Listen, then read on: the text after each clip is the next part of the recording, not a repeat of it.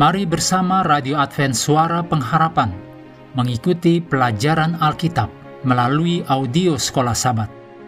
Selanjutnya kita masuk untuk pelajaran ke-6 periode 29 Oktober sampai 4 November.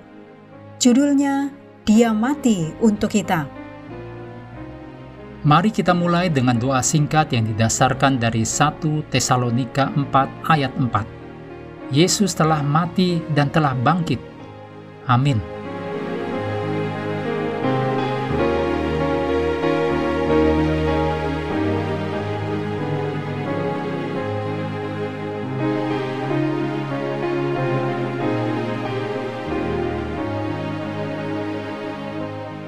Untuk sahabat petang, Anda boleh membaca beberapa ayat untuk menolong pelajaran sepanjang pekan. Wahyu 13 ayat 8, Matius 17 ayat 22 dan 23, Markus 9 ayat 30 sampai 32. Yohanes 19 ayat 1 sampai 30. Roma 6 ayat 23. Dan 1 Korintus 1 ayat 18 sampai 24.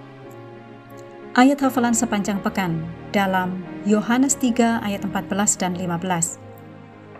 Dan sama seperti Musa meninggikan ular di padang gurun, demikian juga anak manusia harus ditinggikan supaya setiap orang yang percaya kepadanya beroleh hidup yang kekal. Pernah dikatakan bahwa kita tidak dapat menghindari kematian dan pajak. Itu tidak sepenuhnya benar. Orang dapat menghindari pajak, tetapi tidak kematian. Mereka mungkin dapat menunda kematian beberapa tahun, tetapi cepat atau lambat, kematian selalu datang. Dan karena kita tahu bahwa orang mati, baik yang benar maupun yang jahat, pada mulanya berakhir di tempat yang sama. Pengharapan kebangkitan kita berarti segalanya bagi kita.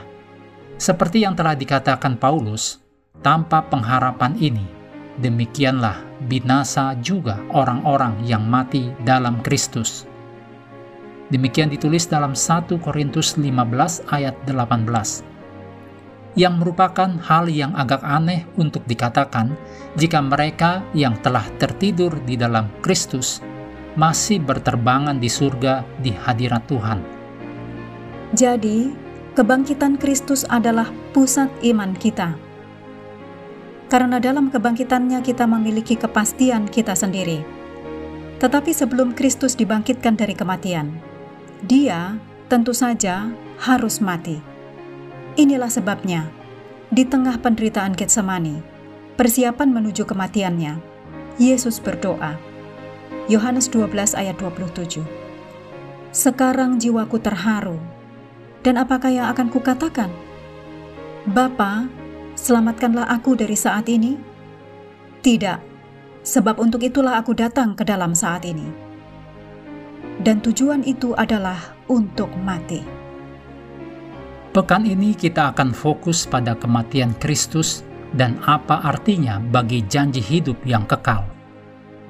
Mengakhiri pelajaran hari ini, kami terus mendorong Anda bersekutu dengan Tuhan setiap hari bersama dengan seluruh anggota keluarga, baik melalui renungan harian, pelajaran sekolah sahabat, juga bacaan Alkitab sedunia percayalah kepada nabi-nabinya, yang untuk hari ini melanjutkan dari 2 Samuel pasal 22.